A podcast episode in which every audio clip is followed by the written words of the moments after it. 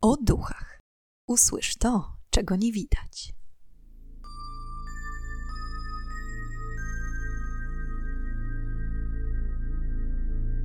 Witam i pytam, czego dusza pragnie. Strasznie miło mi gościć Was na moim kanale. W dzisiejszym odcinku opowiem historię znaną jako Devil Made Me Do It. Jest to sprawa Arniego Cheyenne Johnsona, mordercy kierowanego ręką demona, która zmusiła go do popełnienia zbrodni. Dziś przypada polska premiera trzeciej części filmu Obecność o podtytule Na rozkaz diabła, inspirowanego właśnie tą sprawą, więc jeśli planujecie wybrać się do kina, to ostrzegam o ewentualnych spoilerach. Na wstępie tradycyjnie tylko króciutko zachęcam do pozostawienia łapki w górę, zasubskrybowania kanału oraz kliknięcia w dzwoneczek, aby nie przegapić nowych odcinków. Nie przedłużając, zapraszam do wysłuchania dzisiejszej historii. Końcówka roku 1980. Connecticut, Brookfield. Arnie Johnson i Debbie Glatzel – Młoda, zakochana para po zakupie wymarzonego domu na przedmieściach planowała założenie rodziny oraz spędzenie w nim długiego i szczęśliwego życia. Pewnego dnia, podczas porządków generalnych przed wprowadzką, Arni i Debbie zabrali do nowego domu 11-letniego brata Debbie, Davida, aby pomógł w przygotowaniach. Chłopiec zgodził się bez chwili wahania, a kiedy dotarli na miejsce, prace ruszyły pełną parą. David został wysłany w pierwszej kolejności do pokoju na piętrze, aby zamieść podłogę i powycierać kurze. Wszystko było w jak najlepszym porządku, aż do czasu. W pewnym momencie Debbie, przebywająca piętro niżej, usłyszała głośny krzyk i zobaczyła, jak brat zbiega po schodach i ucieka do ogrodu. Ruszyła za nim i zapytała, co się stało. David ze łzami w oczach powiedział, że wystraszył go starszy pan, który był w pokoju. Szturchnął go, popchnął, a następnie powiedział, że mają się stąd wynosić i jeśli wprowadzą się do domu, to stanie im się krzywda. W pierwszym momencie Debbie wzięła historię brata za okrutny żart, dzięki któremu chciał po prostu wymigać się od sprzątania. Jednak już niedługo później dane im było przekonać się o prawdziwości tego zdarzenia. Przez resztę popołudnia David siedział na uboczu domu, czekając aż siostra wraz z narzeczonym skończą pracę. Po powrocie do domu rodzinnego, w którym jeszcze na tamten moment mieszkali narzeczeni wraz z matką Debbie, Judy, wszyscy oprócz Davida zasiedli przy kolacji. Rozmowa przebiegała spokojnie. Ani Ernie, ani Debbie nie wspominali o incydencie z udziałem młodszego brata. Aż do chwili, w której chłopiec wszedł do kuchni.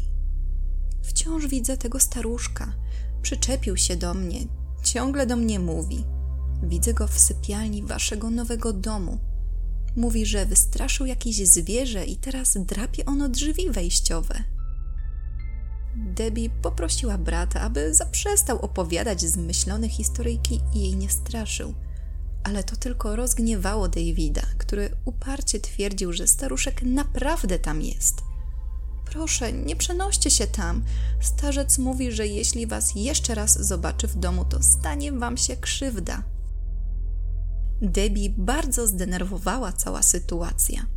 Powiedziała, że nie ma takiej opcji, ponieważ opłacili już czynsz za dwa miesiące z góry jeśli staruszek tak bardzo nie chce ich w domu, to niech powie dlaczego. W tym momencie na piętrze coś trzasnęło, a stół w kuchni zaczął się trząść. Wszystkim odjęło mowę. Przez chwilę stali w bezruchu, nie mogąc znaleźć racjonalnego wytłumaczenia tej sytuacji – po czym David został zaprowadzony przez mamę do łóżka, a młodzi narzeczeni zaczęli rozmyślać na temat całej sytuacji. Przyszło im przez myśl, że co jeśli z domem faktycznie coś jest nie tak. Jednak po długiej nocnej rozmowie Arnie i Debbie postanowili, że nie zrezygnują z wynajmu domu. Poza tym nie mieli w nim mieszkać sami. Miała się z nimi wprowadzić mama Arniego. Następnego ranka wrócili do nowego domu, aby dokończyć porządki. Jakież było ich zdziwienie, gdy podczas otwierania drzwi wejściowych zauważyli ślady pazurów na ich dolnej części. Debbie w tym momencie poważnie zwątpiła, czy zamieszkanie w nowym domu jest dobrym pomysłem i poprosiła Arniego, aby odłożyli to nieco w czasie. Wzięli więc tylko parę swoich rzeczy i gdy już mieli odjeżdżać, pod domem pojawiła się matka Arniego. Gdy dowiedziała się, jakie plany ma jej syn, stanowczo oznajmiła, że ona nigdzie się nie wybiera. Właśnie zdała swoje mieszkanie i teraz nowy dom jest jej jedynym dachem nad głową. Arni zaczął opowiadać, co wydarzyło się poprzedniego dnia. Starzec, ostrzeżenie, trzaski i trzęsący się stół. Podrapane drzwi. Prosił, aby kobieta nie wprowadzała się, a już na pewno nie przebywała w domu sama. Jak jednak można się domyślić, Mama wyśmiała obawy Arniego i Debbie, mówiąc, że duchy to tylko stek bzdur. Poprosiła o klucze i weszła do środka. Młodzi byli zbyt przerażeni, aby zostać z matką i opuścili posiadłość. Dojeżdżając z powrotem do domu rodzinnego, Arni i Debbie już na podjeździe usłyszeli krzyki małego Davida. On po mnie idzie, widzę go, idzie po mnie, chce mnie dorwać. Przerażony David siedział w salonie wtulony w Judy. Zaczął mówić też, że staruszek nocą zmienia się w potwora. Ma czarne oczy, zapadnięte policzki, szpiczaste uszy, zaostrzone zęby, kopyta i rogi, a rysy jego twarzy stają się bardziej zwierzęce. Potrafi latać ponad drzewami i właśnie po niego idzie aby zemścić się za to, że David go wydał, że powiedział o nim swojej rodzinie. Starzec zaczął grozić, że pozbawi go duszy, a język, którym posługiwał się potwór, był mieszaniną angielskiego i łaciny. Arni zaczął przekonywać chłopca, że nic mu nie grozi, że nie dadzą go skrzywdzić. Jednak David był cały roztrzęsiony i płakał. W tamtym momencie cała trójka bez cienia wątpliwości uwierzyła w ciemne moce kryjące się w czterech ścianach nowego domu. Ze względu na panujący niepokój, cała rodzina położyła się spać dopiero późną nocą. Gdy nastał ranek, pierwszy lęk minął i postanowili, że dla rozładowania emocji wybiorą się na piknik. Dzień minął spokojnie – Wydawało się, że starzec jednak odpuścił sobie gnębieniem małego Davida. Do czasu. Gdy rodzina wieczorem podjechała pod drzwi domu rodzinnego, David kategorycznie odmówił wejścia do środka, mówiąc, że on tam jest. Czuje go, widzi go, jak przechadza się po pokojach. Arni zaczął przekonywać chłopca, że nie ma się czego bać i jeśli go to ma uspokoić, to on sam może pójść i sprawdzić, czy ktoś jest w domu. Jak postanowił, tak też zrobił. Obszedł dokładnie cały dom, ale nie zauważył niczego niepokojącego. Mimo dalszego sprzeciwu Davida, w końcu wszyscy pozostali domownicy weszli do środka. Chłopiec jednak cały czas powtarzał, że starzec tutaj jest i on boi się spać. Późnym wieczorem, utulony do snu i uspokojony nieco przez mamę, David zasnął. Jego sen jednak nie trwał długo. Gdy reszta domowników rozmawiała w kuchni, w sypialni chłopiec usłyszał znany mu już głos tajemniczy, demoniczny i przybierający na sile. Przerażony David zaczął krzyczeć, czym ściągnął do siebie siostrę, mamę i Arniego. Na pytanie, co się stało, wykrzyczał, że starzec chce go uderzyć. Ledwo wypowiedział to zdanie, po czym nagle jakaś niewidzialna siła zaczęła miotać chłopcem, zadając ciosy po całym ciele. David dalej krzyczał z bólu i przerażenia, powtarzając, że bestia chce wykraść jego duszę. Po kilku minutach atak ustał. Wyczerpany i obolały David zasnął przy matce, a do rana nie wydarzyło się już nic więcej. Gdy obudził się następnego dnia, jego ciało było całe pokryte sińcami i zadrapaniami. Arnie i Debbie postanowili poprosić o pomoc księdza z pobliskiej parafii. Udali się do kościoła i opowiedzieli wszystko, co działo się przez ostatnie kilka dni. Duchowny bez cienia wątpliwości orzekł, że wszystko wskazuje na opętanie i że Kościół postara się pomóc. Jednak najpierw muszą sprawdzić na własne oczy, co się dzieje z Davidem, zanim i o ile poproszą o pomoc egzorcystę.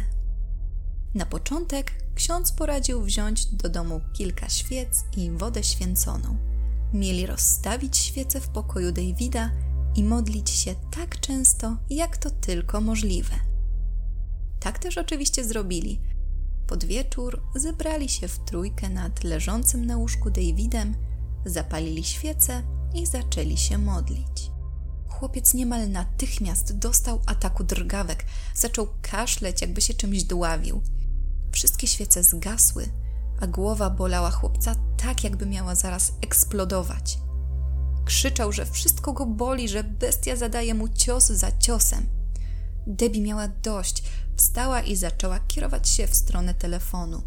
Chciała zadzwonić do księdza i poprosić, aby natychmiast się u nich pojawił. Jednak gdy tylko skierowała się w stronę kuchni, atak ustał. Wyczerpany chłopiec niemal natychmiast zasnął, a rodzina po raz kolejny czuwała przy nim aż do świtu. Z samego rana Debbie zrobiła to, co zamierzała poprzedniego wieczora. Wezwała księdza, aby osobiście pobłogosławił dom. Duchowny czym prędzej pojawił się u rodziny Glatcelów i rozpoczął modlitwę. Wzywał demona, nakazując opuszczenie domu i powrót tam, skąd przybył. Zaczął święcić dom oraz domowników, a kiedy tylko woda święcona skropiła twarz Davida, ten zaczął krzyczeć, że palą go oczy. Woda święcona sprawiała mu ogromny ból. Ksiądz jednak, nie zważając na krzyki chłopca, kontynuował święcenie, robiąc jednocześnie na jego czole znak krzyża. Dzięki temu po chwili ból ustał, a duchowny zapowiedział, że nie zostawi Glatcelów bez pomocy i skonsultuje ich problem z parą specjalistów Edem i Lorraine Warren. Tej pary, myślę, nie trzeba nikomu przedstawiać. Małżeństwo, najsłynniejsi demonolodzy, którzy brali udział m.in. w horrorze Amityville, którego historię opowiedziałam już w poprzednich odcinkach. Ksiądz skontaktował się z Warrenami i przedstawił dokładnie dramat, jaki rozgrywał się w domu Glatzelów. Małżeństwo podeszło do sprawy bardzo poważnie i nie tracąc ani chwili, wybrało się do Brookfield jeszcze tego samego dnia, 12 dni po pamiętnej wizycie Davida w nowym domu. Gdy Warrenowie dotarli na miejsce, zaczęło się już robić ciemno, przez co Ed, wchodząc na werandę domu, potknął się. Po wejściu do kuchni, małżeństwo zastało Arniego, Debbie, Judy oraz małego Davida, który całkowicie pochłonięty rysowaniem, jakby nieobecny, nie zwrócił w ogóle uwagi na przybyłych gości. Mama Debbie zagadała do chłopca. Powiedziała, że państwo Warren przybyli, aby mu pomóc. Wiem, kim jesteście. Po tych słowach Lorraine była już pewna. To nie był David. Przemawiał przez niego demon. Ponadto Lorraine widziała ciemną mgłę unoszącą się za Davidem. Był to zły omen. Chwilę później chłopiec ocknął się z letargu i zwrócił do Eda. Potknąłeś się na schodach. Ed bardzo zdziwiony spytał, skąd mały o tym wie, skoro cały czas siedział w kuchni z dala od okna. Bestia mi powiedziała, stwierdził David. Warrenowie poprosili pozostałych członków rodziny na stronę, ponieważ chcieli wypytać ich o wszystko, co działo się do tej pory. Cała trójka zaczęła wymieniać podrapane drzwi, atak niewidzialnej siły, siniaki, zadrapania, trzęsący się stół i inne. Po wstępnym rozeznaniu małżeństwo następnie chciało porozmawiać z Davidem, a konkretnie z bestią. Ed zapytał, czy bestia jest duchem, czy może demonem, czy posiada jakieś specjalne moce. Mogłaby zgnieść cię jednym ruchem, odpowiedział David. Ed poprosił, aby w takim razie bestia zapukała w stół lub w okno. W pierwszej chwili David przekazał, że żądania Eda są dla bestii śmieszne i że nikt nie będzie jej rozkazywać. Ale chwilę później, gdy Ed prowokująco stwierdził, że widocznie bestia nie potrafi tego zrobić, stół zaczął się trząść. To ostatecznie przekonało Warrenów, że z Davidem naprawdę dzieje się coś niedobrego. Nie mogąc wydusić z chłopca już ani słowa, niedługo później małżeństwo pożegnało się z rodziną, mówiąc, że będą potrzebować wsparcia Kościoła katolickiego, ponieważ pomoc Davidowi z pewnością będzie wymagała egzorcyzmów. Mama Debbie zapytała jeszcze, czy może przeprowadzka w jakieś oddalone miejsce nie mogłaby ich uwolnić od złego demona. Jednak Ed zapewnił ją, że to nie ma najmniejszego sensu, ponieważ kiedy zło się kogoś uczepi, to podąża za nim krok w krok. Przekazali także niepokojącą informację, że na formalną zgodę kościoła mogą czekać nawet kilka miesięcy – jednak spróbują przyspieszyć jakoś ten proces, organizując mniej formalny egzorcyzm, ponieważ powaga sytuacji nie pozwala na zwłokę. Demon miał być bardzo potężny i posiadać złe zamiary. Ponadto z każdym dniem tracili Davida, którego dusza i ciało były powoli przejmowane przez intruza. Zmiany w Davidzie były widoczne nie tylko pod kątem psychicznym, ale również fizycznym. Mianowicie chłopiec gwałtownie zaczął przybierać na wadze. W kulminacyjnym momencie jego waga wzrosła aż o 60 kg. Warrenowie po wizycie u Glatzelów skontaktowali się z komisariatem policji w Brookfield, aby przekazać informacje o potencjalnym niebezpieczeństwie, jakie może spotkać Davida i jego rodzinę.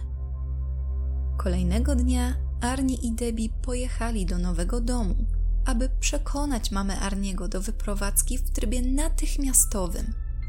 Jednak wizyta trwała tylko chwilę, ponieważ rozwścieczona kobieta zamknęła drzwi przed nosem syna i przyszłej synowej, po tym jak poprosiła, żeby przestali rozpowiadać brednie i przypomniała, że ona nie ma gdzie się podziać i musi zostać w domu.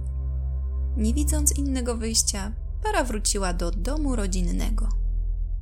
Ku zdziwieniu wszystkich, kilka kolejnych dni minęło spokojnie. Aż do pewnej nocy, kiedy to kładąc się do snu, David doznał kolejnego ataku. Krzyczał i rzucał się na łóżku, a po chwili odezwał tym samym niskim głosem. Davida już nie ma. Teraz jestem ja i ponownie zaczął się szamotać. W trakcie ataku Arni zrobił coś, czego później bardzo żałował.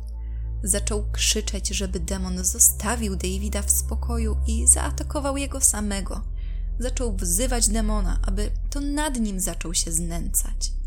Gdy tylko wypowiedział te słowa, w jednym momencie atak ustał Reszta nocy oraz kolejny dzień minęły spokojnie, a następnego wieczora Arni musiał wyjechać do miasta, aby załatwić kilka spraw służbowych. Wsiadł więc do samochodu, zapalił światła, a w oddali, bliżej ogrodzenia, między drzewami, dostrzegł ciemną postać z rogami, wskazującą palcem na drzewo. W tym momencie samochód ruszył samoistnie z miejsca i po kilku sekundach z impetem uderzył właśnie we wskazane drzewo. Arniemu na szczęście nic się nie stało, jednak był pewien, że widział bestię, że to był znak, ostrzeżenie. Nazajutrz Gladcelowie odebrali telefon od Warrenów, którzy przekazali informację, że udało im się uzyskać zgodę na przeprowadzenie formalnego egzorcyzmu i umówili ich na wizytę z egzorcystą w kościele jeszcze tego samego dnia. Po przybyciu do parafii, Arni i Debbie opowiedzieli o całej sytuacji.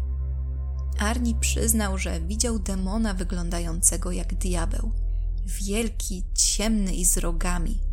Kiedy egzorcysta spytał, dlaczego właściwie Arni miałby go widzieć, mężczyzna przyznał, że dwa dni temu, podczas jednego z ataków Davida, zaczął wzywać demona, aby to jego opętał, a chłopca zostawił w spokoju. Egzorcysta bardzo zdenerwował się, kiedy to usłyszał. Powiedział, że nigdy, pod żadnym pozorem, nie wolno zapraszać do siebie złych mocy i mimo zapewne szczerych chęci zrobił najgorszą rzecz, na jaką mógł się zdecydować. Duchowny podarował Arniemu krzyż na łańcuszku, prosząc, aby od teraz nosił go cały czas przy sobie – Następnie ustalili, że ksiądz zacznie przygotowania do egzorcyzmów i spotkają się najszybciej, jak to możliwe. Kiedy Arnie i Debbie wrócili do domu, dało się zauważyć, że David jest w niecodziennym humorze. Uśmiechał się złowieszczo i patrząc na krzyż na szyi Arniego, odezwał się ponownie niskim głosem. Wiem, kto ci go dał, ale wiedz, że nic ci on nie pomoże. Po czym machnął ręką, a łańcuszek zerwał się z szyi mężczyzny. Choć wydawało się to niewiarygodne, chłopiec nawet go nie dotknął. Arni pośpiesznie zapiął krzyż z powrotem, a po chwili David wyrwał się z transu. Powiedział, że bestia chwilowo go opuściła i wróciła do studni, z której wydostała się przed przyjazdem Davida do studni znajdującej się na tyłach ich nowego domu. Bardzo zdziwiło to Arniego i Debbie, ponieważ nawet nie zdawali sobie sprawy, że na terenie posiadłości znajduje się jakaś studnia. Jest! Dzięki niej bestia przenosi się do waszej wody, powiedział David. Arni poczuł, że natychmiast musi to sprawdzić. Nie zważając na późną porę, z flakonikiem wody święconej w dłoni wraz z Debbie pojechali do nowego domu. Kiedy dotarli na miejsce, zastali pusty budynek z wygaszonymi światłami. W pierwszej chwili Arni zląkł się, że nigdzie nie ma jego mamy, ale później pomyślał, że musiała tak bardzo wystraszyć się bestii lub innych duchów, że bez słowa opuściła posiadłość. Poprosił więc Debbie, aby pozostała w salonie, a on sam obejdzie dom dookoła w poszukiwaniu owej studni. Księżyc świecił jasno, a Arni przedzierał się przez krzewy rosnące na terenie posiadłości. W pewnym momencie za kilkoma drzewami dostrzegł okrągłą dziurę w ziemi, a obok niej ponownie ciemną postać z rogami i długimi rękami. To była bestia. Ostrożnie wycofał się, a w tym samym czasie Debbie, przebywająca w dalszym ciągu w salonie, zauważyła, że na podłodze leży krzyż Arniego. Musiał zsunąć mu się z szyi. Po chwili mężczyzna wrócił do narzeczonej, jednak nie wyglądał już jak wcześniej.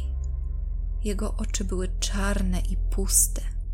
Szedł w stronę Debbie bez słowa nie zważając na jej wystraszoną minę i niepewny głos.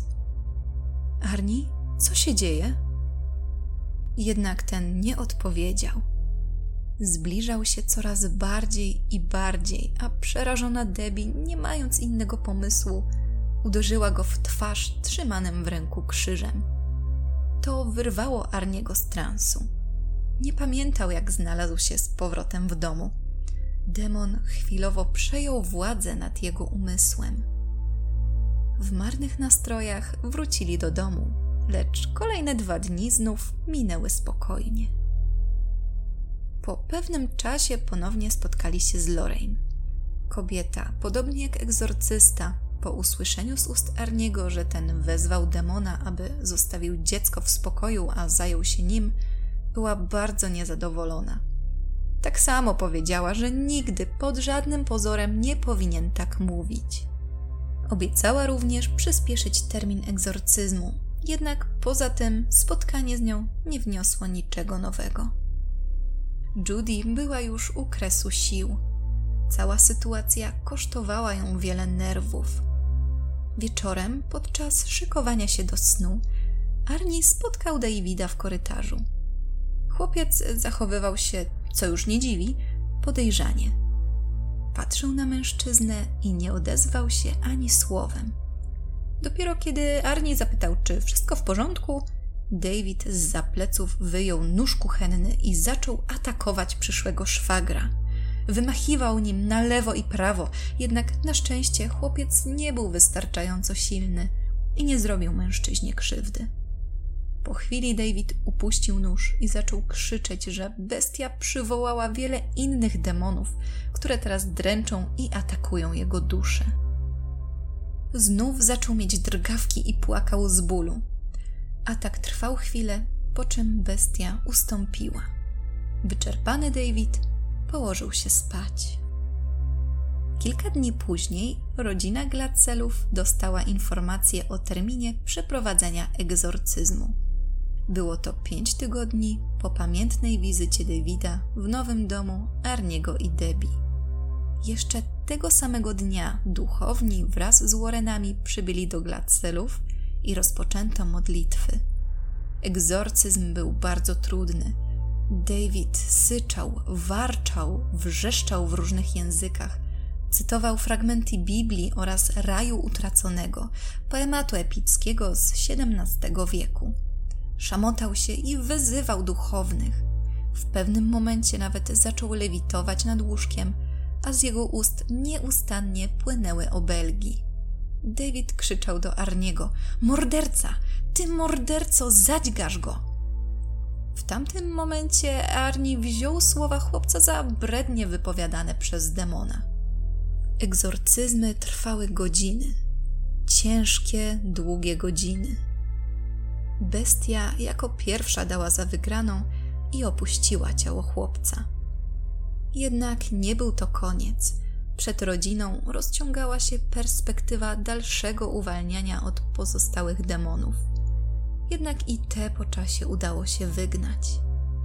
W późniejszych wywiadach Lorraine wyznała, że David był opętany w sumie przez co najmniej 43 demony. Na szczęście po trudnej walce wszystkie złe moce opuściły Davida, a on sam już nigdy więcej nie doznał podobnych doświadczeń. Po wszystkich tych wydarzeniach Arnie i Debbie postanowili sprzedać nowy dom i wyprowadzić się do centrum miasta. Swoją drogą nie znalazłam nigdzie informacji, co działo się dalej z mamą Arniego. Młodzi wynajęli apartament w motelu Brookfield Pet Motel blisko nowej pracy Debbie, którą dostała w salonie fryzjerskim dla psów. Początkowo nic nie zdawało się psuć sielanki młodemu narzeczeństwu. Aż do czasu.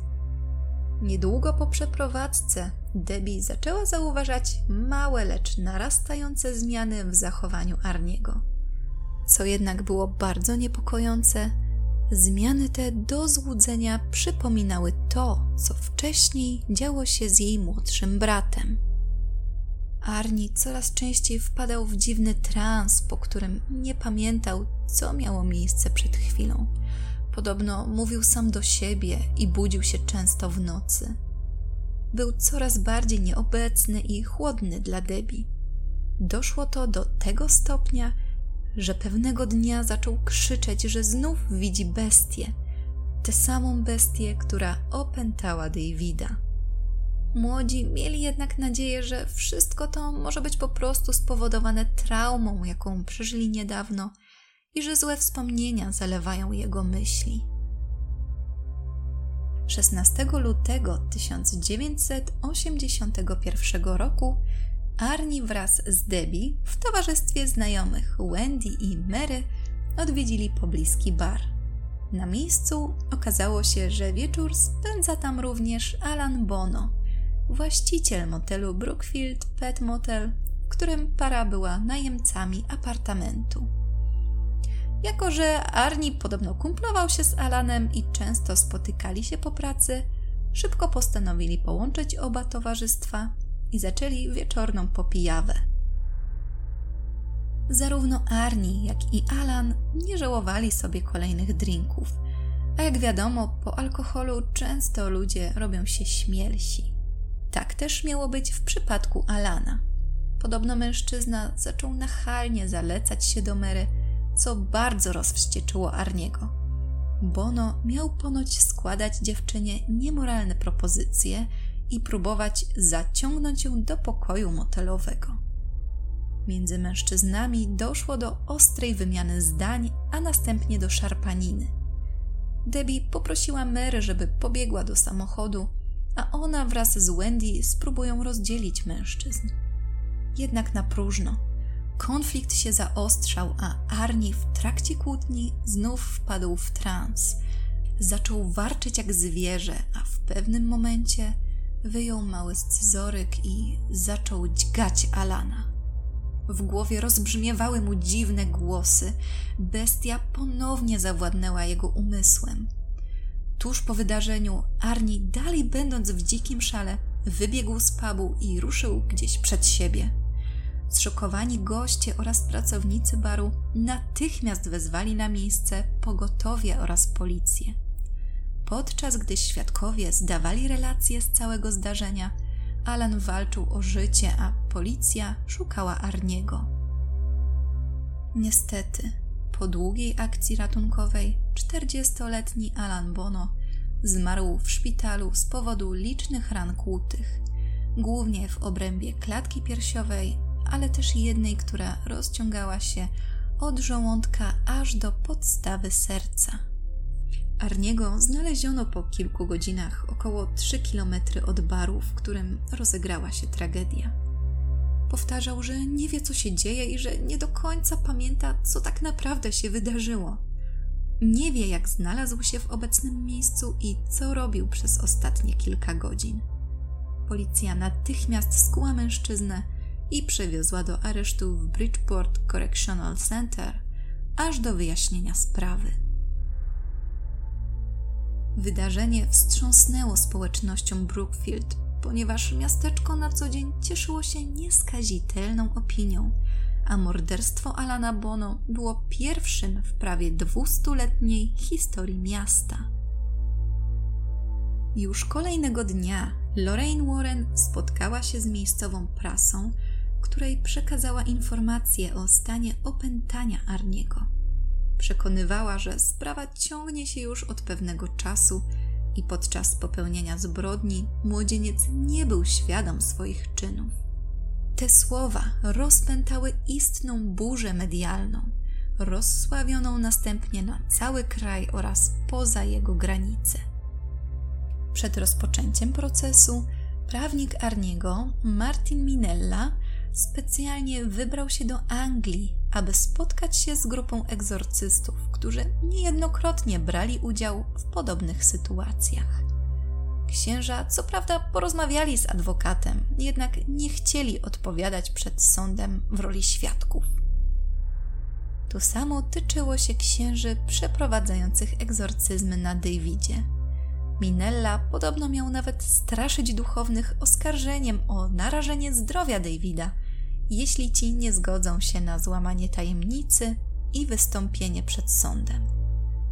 To jednak również nie poskutkowało i poza oświadczeniem diecezji Bridgeport, że w pewnym stopniu pomagała przy sprawie Davida, cały Kościół katolicki ostatecznie odciął się od sprawy, zakazując tym samym księżom na publiczne wypowiadanie się w tym temacie. Proces Arniego odbył się w Sądzie Najwyższym Connecticut w Danbury.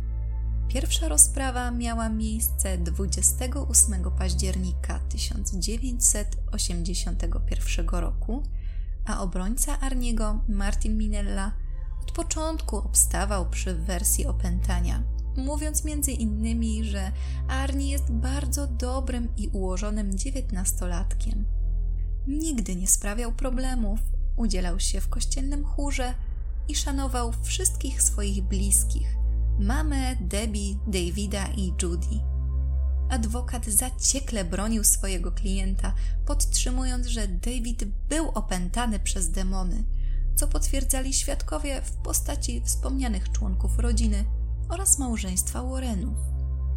Podczas egzorcyzmów, kiedy bestia opuściła ciało chłopca, przeszła na Arniego i zawładnęła jego umysłem.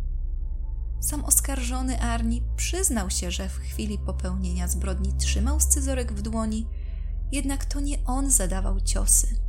Nie on świadomie je zadawał. Miała je zadawać bestia, kontrolując jego ciało i umysł. Przez to Arni nie pamiętał też niczego z kolejnych kilku godzin po tragedii. Nie wiedział, co się z nim działo ani gdzie był. Wspomniał także o dziwnym zdaniu wypowiedzianym przez Davida podczas egzorcyzmów, kiedy to zaczął nazywać swojego przyszłego szwagra mordercą. Arni bardzo żałował tego, co się stało i błagał o przebaczenie, jednak cały czas przystawał przy tym, że zrobił to na rozkaz diabła. Nieugiętość w zmianie wersji wydarzeń sprawiła, że proces Arniego Cheyenne Johnsona znany również jako sprawa Devil Made Me Do It, stał się pierwszą znaną sprawą sądową w Stanach Zjednoczonych, w której obrona starała się udowodnić niewinność na podstawie twierdzenia pozwanego o opętaniu przez demona oraz odmowy osobistej odpowiedzialności za przestępstwo. Niestety, nieugiętość działała także w drugą stronę – sędzia Robert Callahan stanowczo odrzucił wersję wydarzeń obrony, mówiąc, że taka linia obrony nie ma prawa bytu w sądzie z powodu braku dowodów i że stwierdzenie niewinności na jej podstawie byłoby irrelatywne i nienaukowe. Pomiędzy kolejnymi rozprawami biegli psychiatrzy zbadali również małego Davida. Wyniki badań były nieco zaskakujące, ponieważ stwierdzono u niego jedynie problemy z koncentracją. Podczas trwania całego procesu Warrenowie oraz cała obrona Arniego mieli być podobno mocno wyśmiewani przez prasę oraz miejscową społeczność, jako że uważano opętanie za temat do sensacji oraz żałosną próbę uniknięcia kary. W związku z odrzuceniem wersji o opętaniu, obrona Arniego zmieniła swoje zeznania, mówiąc od tej pory, że mężczyzna po prostu działał w samoobronie podczas kłótni, a to w połączeniu z nadmiernym spożyciem alkoholu doprowadziło do nieumyślnego spowodowania śmierci. To już dało przysięgłym podstawę do przemyślenia wysokości wyroku. Jednak, mimo zmiany zeznań, Martin Minella w mowie końcowej wypowiedział znane już dziś zdanie, że sądy mierzyły się już z istnieniem Boga. Teraz czas, by zmierzyły się i z istnieniem diabła. Ława obradowała przez trzy dni, co zajęło im w sumie około 15 godzin. Ostatecznie Arnie Johnson został skazany 24 listopada 1981 roku za zabójstwo pierwszego stopnia i otrzymał wyrok od 10 do 20 lat więzienia. Odsiedział jednak tylko 5, a następnie został zwolniony za dobre sprawowanie. W 1986 roku był już wolnym człowiekiem, a podczas odsiadywania wyroku poślubił Debbie. Do 2014 roku para nadal była małżeństwem. Czy są nim do dziś? Tej informacji nie udało mi się nigdzie znaleźć. Jaka jest prawda? Czy Arni faktycznie był opętany? Pozostawiam to Waszej ocenie. Jestem ciekawa, jak historia zostanie przedstawiona w filmie. Ja wybieram się do kina jutro, a Wy Planujecie zobaczyć obecność 3? Jeśli tak, koniecznie dajcie znać w komentarzach, czy seans Wam się podobał.